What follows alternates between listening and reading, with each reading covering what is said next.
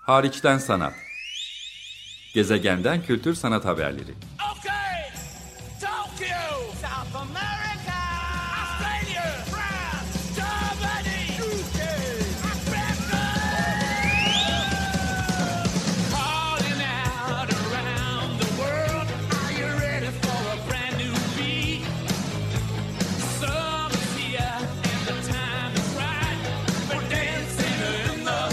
Hazırlayan ve sunan Çelenk Bafra Zorlu Holding Sürdürülebilirlik Platformu Akıllı Hayat 2030, herkes için daha yaşanabilir bir dünya diler.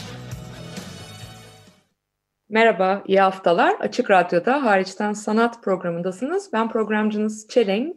Bugün Hong Kong'dan bir konuğum var, Özge Ersoy. Teknolojinin nimetlerinden e, yararlanarak bu bağlantıyı yapıyoruz. Özge hoş geldin. Hoş bulduk Çelenk. Hatırlatmak adına Açık Radyo hatta hariçten sanat dinleyicilerine programdan önce baktım tam 6 ay olmuş hatta 6 ayı e, geçiyor neredeyse.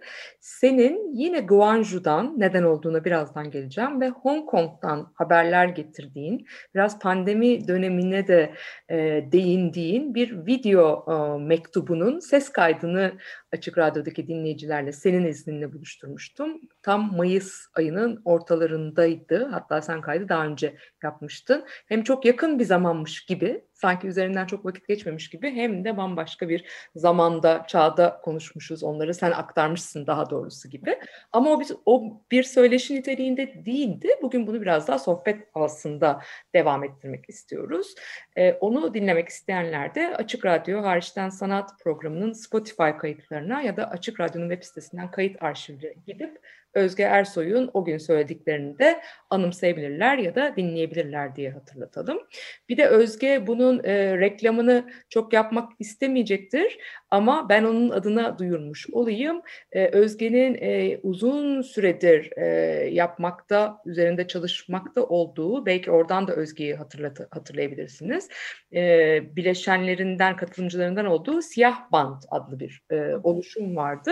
E, yıllar önce de birkaç kez onun hazırladığı rapor için görüşmüş, sohbet etmiştik. Şimdi o dönemde yaptığı araştırmalar sonucunda ortaya koyduğu makale ya da e, yazı Curating Under Pressure bence şu içinden geçmekte olduğumuz sosyopolitik dönem ve hatta e, bütün içinden geçmekte olduğumuz krizlerle dolu, sadece sağlık krizine de referans vermiyorum. Krizlerle dolu dönemde e, özellikle önem kazanıyor. Baskı altında e, küratöryel çalışma yürütmek, Curating Under Pressure. Böyle bir kitap da yer alan bir makaleye evrildi. Takip edebilirsiniz Curating Under Pressure e, diye Özge'nin de katkısıyla diyelim. Bugünkü gündemimizde ise evet Gözde Hong Kong'da orada çalışmakta olduğu, oraya orada yaşamaya başlamasına da vesile olan bir kurumda yürüttüğü kamusal programlardan bahsedeceğiz. Um, Asia Art Archive, AAA diye kısaltıyoruz genelde. E, oradaki kamusal programları tasarlayıp yönetiyor. Ünvanı ve profesyonel işi bu. Ama aynı zamanda bu edisyonuna özel olarak 13. Guangzhou Bienalinin Kore'de yürütülmekte olan bir Bienalinin de kamusal programlarını tasarladı. Her ikisini de gündeme getireceğiz. Hong Kong'dan başlayalım Özge. Asia Art Archive nasıl bir kurumdur ve senin orada yürüttüğün kamusal programlar son dönemlerde nasıl şekillendi, neye evrildi, neler var gündeminde? Öncelikle davet için çok teşekkür ederim Çelenk. Kitap hakkındaki giriş için de ayrıca teşekkür etmek istiyorum. Ee, Hong Kong'a gelince şöyle belki başlayabilirim. Ee, yaklaşık üç buçuk sene önce buraya taşındım. Bahsettiğim gibi Asia Art Archive'ın ya da Asya Sanat Arşivi dediğimiz kurumun e, kerem ucu bitmeyen bir kurum bu. Bunun kamu programları üzerine çalışıyorum. Biraz Asia Art Archive'dan belki bahsetmekte fayda var. Yani sanat kurumlarını düşündüğümüz zaman genelde sergiler üzerinden e, bunları tanımlarız. İşte müze dediğimiz zaman belki aklımıza ilk başta sergiler gelir. E, bundan biraz daha farklı bir kurum Asia Art Archive. E, çünkü merkezinde salt sergilerden ziyade herkese açık olan bir arşiv ve herkese açık olan bir kütüphane bulunuyor. Arşivden kastım nedir? Bu Asya coğrafyasında etkin olan, sanat topluluklarına farklı rollerde katkıda bulunan, işte eğitmen olabilir, organizatör olabilir, yazar olabilir. E, bu tür sanatçıların kişisel arşivleri üzerine çalışıyoruz. E, yaklaşık 1960'lardan e, itibaren malzemeleri topladığımız bir arşiv bu. E, hedef de şu, sadece sanatçının pratiğine odaklanmak, ne kadar harika bir sanatçı, bunun kanıtını yapmak değil de e, bu sanatçının katkıda bulunduğu yerin ya da birkaç farklı yerin tarihine, yakın tarihine, hikayelerine dair okumalar yapmak. E, takım olarak yani veya teknik olarak yaptığımız şey ise şu, bu arşivleri fiziksel olarak koleksiyona dahil etmiyoruz. Bunları dijitalize ediyoruz ve web sayfası üzerinden herkesin erişimini açıyoruz. Yani öncelikle bu arşiv tarafını e, ifade etmek isterim. Kütüphaneye gelince ise yine 20. yüzyılın ortasından başlayacak şekilde e, modern ve güncel sanat alanındaki referans kitaplarına, sergi kataloglarına e, ev sahipliği yapan bir kütüphanemiz var. E, haftada 6 gün e, kullanıcıların e, kullanıcılarımıza açık. E, bunun yanı sıra da alternatif dolaşım ağlarına sahip sanatçı kitaplarına ve fanzinlere de yer veriyoruz. Ee, belki ufak bir dipnot düşebilirim. Kütüphanemiz aynı zamanda sergi mekanımız olarak da işlev görüyor. Yani böyle bir e, beyaz küp diye tabir ettiğimiz bir sergileme e, formatından biraz daha farklı bir format. Her zaman e, dışarıyı, her zaman e, kitapları e, birlikte gördüğünüz arşiv malzemeleri ve sanat işlerini e, böyle bir şekilde sergilemeye gayret ediyoruz. Ben ne yapıyorum? Bahsettiğim gibi e, kamu programları üzerine çalışıyorum. E, bu da ne demek? E, araştırmasını yaptığımız konulara dair konuşmalar, atölye çalışmaları ve sergiler düzenliyorum ve oldukça e, işbirliği gerektiren pozisyon bu. Belki bunun altını çizmem gerekiyor. Araştırmacılarımızla çok yakın çalışıyorum. Buradaki üniversitelerle hem Hong Kong'da hem de Asya genelindeki üniversitelerle yakın çalışıyoruz. Sanat inisiyatifleriyle çok yakın çalışıyoruz. Beraber program geliştiriyoruz.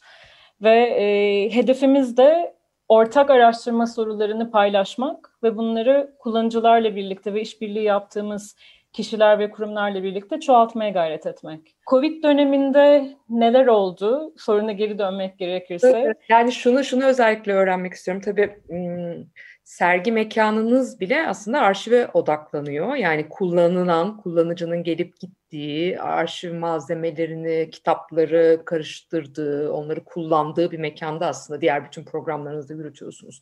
Sergi evet. ya da konuşma eminim belki başka mekanlarda da ya da çevrim içi de olabiliyordur ama çok kullanıcı odaklı bir yanı ve mekana da dayanan bir yanı da var programın. Bu dönemde eminim sizin mekanı kapatmanız gereken dönemler oldu. Kullanıcıların kullanmasıyla ilgili pek çok regülasyon, sınırlama geldi. Bu dönemi nasıl değerlendirdiniz ve deneyimlediniz? Olumsuz tarafı kütüphaneyi kapatmak zorunda kalışımız idi. Ama diğer taraftan da çevrim içi aktivitelere, faaliyetlere çok elverişli bir yapımız da var. Çünkü bahsettiğim gibi arşivin çok çok büyük bir kısmı ona çevrim içi olarak erişilebiliyor. E, kütüphanedeki kitapların sadece bir kısmı tabii ki copyright yüzünden e, internette erişilebilir durumda. E, dolayısıyla o birebir buluşma fırsatımızı ya da kullanıcıların kitaplarla hoşbeş olma halini maalesef kaybettik bir dönem. Ama dediğim gibi arşivin erişilebilirliği onu çevrim içi olduğu için burada kolaylıkla adapte olduk diye söyleyebilirim.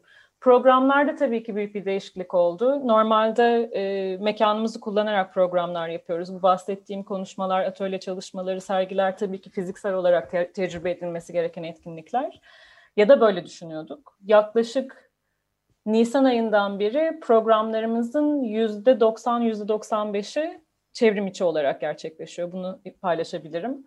Ee, sadece çok ufak yapabildiğimiz atölye çalışmalarını e, aynı mekanda gerçekleştirebildik. Bunlar da Wikipedia atölyeleri oldu. İşte editörlerin bir araya geldiği, e, Wikipedia e, makaleleri, sayfaları yarattıkları, editledikleri, geliştirdikleri atölyeler. E, Yama tabii ki yani Hong Kong'taki mevcut sınırlar, e, sınırlandırmalar, kurallar çerçevesinde bu etkinlikleri gerçekleştirebildik. Benim e, öğrendiğim şey şu oldu açıkçası. Kamu programlarını düşünürken eğer böyle bir sağlık krizi olmasaydı zaten mekanda yapacağımız ya da mekan içerisinde kullanacağımız formatı hemen online'a taşımak ne kadar mantıklı? Aslında böyle bir soru ile başladık bu döneme. Ve bu online olan imkanı, çevrim için olan imkanı da e, bir araya getirmesi biraz daha zor olan kişileri yan yana nasıl getirebiliriz, nasıl onları davet edebiliriz? Bu şekilde biraz daha şekillendirmeye başladık açıkçası. Ee, örnek olarak hayat dersleri de Life Lessons dediğimiz bir seri var. Ee, yaklaşık Mayıs ayından beri devam eden bir seri. Bunu verebilirim. Bu demin araştırma konularımız, araştırmalar hakkındaki sorularımız diyordum. Bu sanat eğitimi ve sanat e, pedagojisi bunlardan bir tanesi. Üzerine e, çok da fazla düşünülen ve yazılan konulardan bir tanesi olmadığı için e, bizim üzerinde daha fazla çalışmaya gayret ettiğimiz bir konu. Yaklaşık 9 senedir e, baktığımız, araştırdığımız bir alan diyebilirim. Ve bu konularda mesela araştırmamız ya da arşiv tarafımız biraz daha etkili ve etkin sanat okulları üzerine oldu bugüne kadar. İşte sanatçılar burada nasıl ders verdiler, e, ne çeşit topluluklar oluşturdular, hangi sınırları zorladılar. Bunu biraz daha güncele çekmek ve bahsettiğim gibi e, kişiler üzerinden gitmek, kurumların tarihleri değil de biraz daha kişilerin tarihlerine bakmak istediğimiz zaman bir araya getirmesi kolay olmayan iki tane sanatçıyı kendi eğitimleri ve daha sonra geliştirdikleri eğitim yöntemleri ya da öğretim yöntemleri üzerine davet edelim ve böyle bir konuşma yapalım diye düşündük ve böyle başladı bu seride. Yine aklıma gelen örnek şu, Endonezya'da yaşayan Melati Suryadharma e, diye bir sanatçıyla e, Singapurlu ve Stockholm'da yaşayan Ming Wong diye bir sanatçıyı mesela e, bir araya getirdik bir seansta. E, ikisi çok farklı geçmişlerden geliyor, onu söyleyebilirim ama performans ve performans eğitimi nedir üzerine konuştu, e, konuşmamız oldu. E, Melati Suryadharma e, bir sanat inisiyatifi üzerinden e, daha genç sanatçılara performansı öğretmeye tırnak içerisinde öğretmeye gayret eden bir kişi. Ming Wang ise bir üniversitede, Stockholm'daki Sanat Akademisi kapsamında bunu yapmaya çalışıyor. Fakat bir araya geldiğimiz zaman e, şundan bahsettik. Asya'daki performans gelenekleri nedir? Kanton operasından ya da Endonezya, Java'daki geleneksel danslardan bahsedip bunu güncel performansa dökmek, bunun eğitimine dökmek nasıl olabilir? Bunlardan konuştuk. Daha doğrusu yani tarihi formlardan etkilenerek nasıl performans eğitimini yeniden hayal ediyoruz?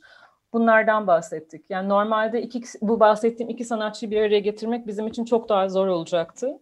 Ee, çevrim içi etkinlikler böyle olanaklar sağlıyor. Fakat tabii bu... Dergi de var sanki değil mi? Onu da hani son bir tabii. kısmını belki toparlamak adına söyleyeyim. Önceki tabii. yazılarımızdan, konuşmalarımızdan hatırladığım aslında tam da bu bahsettiğim konular aynı sanatçılar mı bilmiyorum ama başka sanatçılarla bir sergi de planlıyordunuz uzunca bir şeyden e, belki bir aradan sonra öyle diyeyim.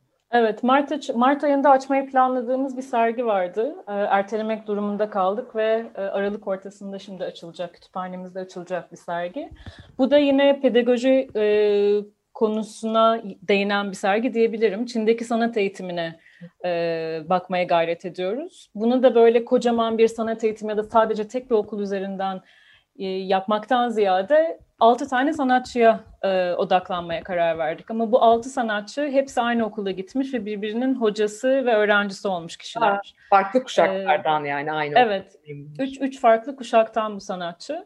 E, bu da şöyle bir enteresanlığı var. 80'ler özellikle Çin'de böyle bir kırılma noktası olarak e, tanımlanıyor.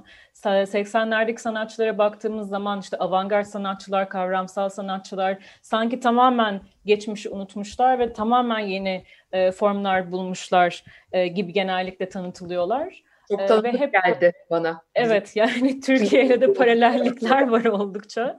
Özellikle 90'lar üzerinden düşünebiliriz e, diye düşünüyorum. Evet. Bu Anthony Jung diye bir araştırmacımızla birlikte üzerine çalıştığım bir sergi ve benim için çok heyecan verici çünkü dediğim gibi yani mesela e, 80'lerde eğitimini alan bir sanatçı e, o senelerde tabii ki kültür devriminden sonra çıkan ve okulların tekrar üniversitelerin, sanat akademilerinin yeniden açıldığı bir dönemde e, sanat eğitimi alan ve sorular soran bir kişi. 2000'lere geldiğimiz zaman e, mesela yeni medya sanatını ne şekilde öğretmeye gayret ediyor?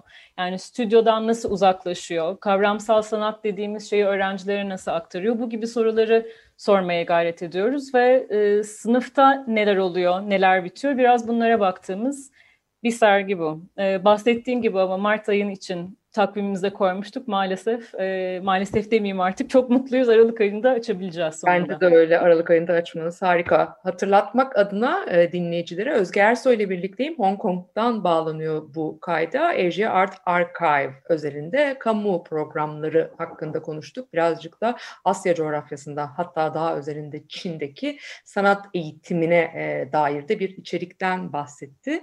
E, bütün bu deneyimlerin tabii ki e, Asia Art Archive'dan önceki deneyimlerinin de etkisiyle e, ve önceki belki Guangzhou Bienali ekipleriyle yaptığın işbirliklerinde etkisiyle oldukça uzun zamandır 13. Guangzhou e, Bienali'nin kamu programları üzerine de çalışıyorsun. Oldukça uzun zamandır dememin sebebi de şu. Aslında bir Bienal için birkaç yıl çalışılması e, beklenir bu tarz programlar için. Ama pandemi nedeniyle Eylül başında açılması planlanan hatta benim de heyecanla ilk kez Guangzhou'ya ve Bienal'e gelmeyi umduğum e, bir Bienal şu anda içinde bulunduğumuz aylarda kamusal programlarıyla ve önümüzdeki yılın umarım ki e, ilk e, yarısında da e, sergileriyle izleyiciyle buluşacağı böyle bir ötelemeye, yeniden e, programlamaya e, gitmiş durumda. Eş küratörlerinden biri Defne Ayaz. Onu da önümüzdeki programlarda konuk etmeyi planladığımı buradan anons etmiş olayım. Ama Defne ile ve tabii ki e, Biennial'in geri kalan ekibiyle birlikte senin yönettiğin, tasarladığın bir kamusal program var. Hatta bugün e, Türkiye'den de katılımcılar olacağı için özellikle duyurmak istediğimiz 20 Kasım Cuma'ya gelen spesifik olarak biraz bakmak istediğimizde bir program var. Önce senden genel olarak Guangzhou Bienalindeki kamusal programın odak odağından bahsetmeni rica edeyim. Sonrasında da biraz daha özelinde 20 Kasım Cuma günü Türkiye saatiyle 10, umarım yanlış hesaplamadım, 10'da aslında Açık Radyo dinleyicilerinin de bağlanıp e, katılabileceği bir kamusal programı var Guangzhou Bienali'nin. Onun içeriğinden de bahsedebilirsin. Tabii ki. Ee, öncelikle Bienal'in kendisinden biraz bahsetmek isterim. Ee, bu Guangzhou Bienali, Güney Kore'deki Guangzhou Bienali Asya'daki en eski biyenaller arasında yer alıyor. E, kuruluşu 1995'e denk gelen bir bienal. E, ve çıkış noktasında 1980'de gerçekleşen sivil ayaklanma ve e, bunu takiben başlayan demokratikleşme süreci yer alıyor. Bu bienalin e, geçici bir anıt olması ne demek e, sorusu oldukça enteresan bir soru. E, kamu programlarını şekillendirirken de sürekli e, küratörlerle, sanat direktörlerimiz Defne Ayas ve Natasha Cinimada ile hep tartıştığımız bir e, soru oldu bu. E, dolayısıyla toplumsal travma dediğimiz zaman, direniş dediğimiz zaman ya da şifalanma gibi e, konularda birçok öğren birçok şey öğrendiğimiz bir yer e, oldu Guangzhou'nun kendisi. E, Biennial'in kendisi de aslında bu e, bu sorular etrafında şekilleniyor ve yapmaya çalıştığı şey e, akıl dediğimiz şeyin farklı formla, farklı formlarına bakmak. E, bu e, ne olabilir? E, özellikle hani şifalanma ya da direniş gibi konuları düşündüğümüz zaman. Şifalanma ya da direniş gibi konuları düşündüğümüz zaman e, belki Pardon, ben... E, evet belki gitti, kayıp gitti gibi ama tekrar geldim. Evet, e, ben şeyden Duyuyorsun, bahsediyorum belki. Evet Özge duyuyoruz. Çok kısacık bir kesinti oldu. Devam edebilirsin. E, direniş gibi konuları düşündüğümüz zaman diyordun, kamusal programa geçiyordun. Evet, e, bunları düşündüğümüz zaman özellikle bugünlerde e, şifa teknolojilerine bakıyoruz, anaerkil sistemlere bakıyoruz, animizme bakıyoruz ya da e, yerli yaşam dünyalarına bakıyoruz. Bu tarz e, örnekler etrafında bir tartışma alanı yaratmak isteyen bir bienal bu, 13. E, Guangzhou Bienali. E, kamu, kamusal programları ise e, bu sene başladık. E, açılış gelecek sene e, Şubat ayında olacak. Genelde de böyle büyük sergiler olduğu vakit e, sergi başlar, sergi başladıktan sonra e, kamu programları sergiyi takip eder. Biz tam tersini yapmaya gayret ediyoruz. Çünkü bu dediğim gibi e, Ejder Archive özelinde de bahsettiğim bazı bu araştırma sorularını ya da etrafına etrafına da hakkında düşündüğümüz e, konuları birlikte düşünme fırsatı yaratıyor kamu programları. Sadece bir şeyleri açıklamak e, ya da sahnelemek, teşhir etmekten ziyade. Ee, ve bahsettiğim gibi e, komünal akıl ya da kolektif akıl dediğimiz şey de e, kamu programlarının önemli bir izleyini oluşturuyor. E, birkaç örnek vermek gerekirse e, Eylül ayında ve Ekim ayında gerçekleşen programlardan e, programlara dair bir fikir verebilirim. Örneğin e, programımızın açılışını e, Princeton Üniversitesi'nde hoca olan ırk ve teknoloji üzerine çalışan Ruha Benjamin ile yaptık. Kendisi bir akademisyen. Bunu e, Novi Sad Üniversitesi'nde ders veren e, ve yapay zeka hakkındaki tartışmaları sadece veri güvenliği üzerinden değil de sosyal adalet ve ekolojik adalet üzerinden okuyan Vladan Yoler gibi e, isimlere de ev sahipliği yaptık. E, her ay yaklaşık 2-3 tane program hazırlıyoruz ve bunları çevrim içi gerçekleştiriyoruz. E, tabii ki arzumuz şuydu, e, Bienal döneminde herkesin bir araya gelmesi, yani sadece sunumlar e, olması değil de çok daha fazla atölye çalışmaları olması ve paslaşmaların yaşanmasıydı. Ama adapte olmak durumundayız. Bu yüzden de bu şekilde devam etmeye karar verdik. Böyle söyleyebilirim. 20, 20 Kasım çünkü bir hani 3-4 dakikamız kadar kaldı. Ee, 20 Tabii. Kasım Cuma bizim için tabii ki özellikle heyecan verici. Çünkü Türkiye'den iki katılımcının katkılarıyla hem bir kamu programı olacak hatta onu müteakip hemen ondan sonrasında daha böyle katılımcılarla yürütülecek bir atölye çalışması, bir workshop da söz konusu. Ee, açık radyo dinleyicilerinin e, başka programlardan hatırlayacağı birkaç kere konuk ettiğimiz Zeyno Pekünlü var. Hatta İstanbul Bienali'nin kamusal programları hakkında da onunla konuşmuştuk ama sanatçıdır aynı zamanda. Ve Begüm Özden Fırat'ın e, katılımıyla bir program söz konusu. Bütün bu programları buradan hatırlatalım. Guangzhou Bienali, 13. Guangzhou Bienali'nin web sitesinden takip etmeniz elbette mümkün. Sizin de katılmanız mümkün. Aynı şey e, programın ilk yarısında konuştuğumuz AJ Art Archive'ın kamu programları çevrim içi olursa elbette onlar için de mümkün diyebiliriz. Ama e, biraz önce söylemeyi unuttum. E, Begüm Özden Fırat bir sosyolog. E, Zeynep Ekünlü ise sanatçı ama aynı zamanda kamusal programları da tasarlamak anlamında da ilgisi olan bir isim. Onların katılacağı program e, nasıl olacak? Biraz onun içeriğinden de bahsedersen sanki bize ayrılan sürenin sonuna varmış olacağız. Tabii bu 20 Kasım'daki program e, Türkiye saatiyle saat sabah 10'da başlayacak olan e, program bir panel. Halk hareketlerini özellikle de 2000 sonrasında yaşanan isyanları toplumsal hafızada tutuyoruz? Bunları hangi görsellerle te- temsil ediyoruz? E, sorusundan yola çıkan bir panel bu. E, aynı zamanda şu tarz sorular da var aklımızda. Arşivini tutamadığımız şeyler nedir? Nerelerde bocalıyoruz? Ya da ne noktada arşiv tutmaya direniyoruz? Bunları tartışmaya gayret edeceğiz. Ee, bahsettiğim gibi Zeynep Pekünlü ve Begüm Özden Fırat dışında bir de Guangzhou'dan bir katılımımız olacak. Ee, Kwon Du-yong ismi de. Ee, bu demin bahsettiğim 1980 ayaklanmasının arşivini tutan 18 Mayıs Arşivleri Merkezi'nde araştırmacı olarak kendisi çalışıyor. Bu da devlet teşviğiyle başlayan bir arşiv. Ee, Begüm'ün ve e, Zeyno'nun sorduğu biraz daha alternatif arşiv e, kurma ve görsel okuma yöntemlerini diğer taraftan e, bakmaya çalışacak kendisi. Harika. Orada olacak. Herkesi bekleriz. Buradan da son kez anons ben etmiş olayım. 20 Kasım Cuma Türkiye saatiyle 10 Guangzhou Bienali'nin 13.sü düzenlenen Guangzhou Bienali'nin kamusal programı kapsamında bugün konuk ettiğim Özge Ersoy da şüphesiz orada olacak. Ama üç katılımcıyla sizin de takip edebileceğiniz bir kamusal program var. Özge çok teşekkür ederim. Ben teşekkür ederim Çelenk. Çok da, çok sağ ol. Önümüzdeki günlerde tekrar görüşmek üzere. Hoşçakalın. Hariçten sanat. Gezegenden kültür sanat haberleri.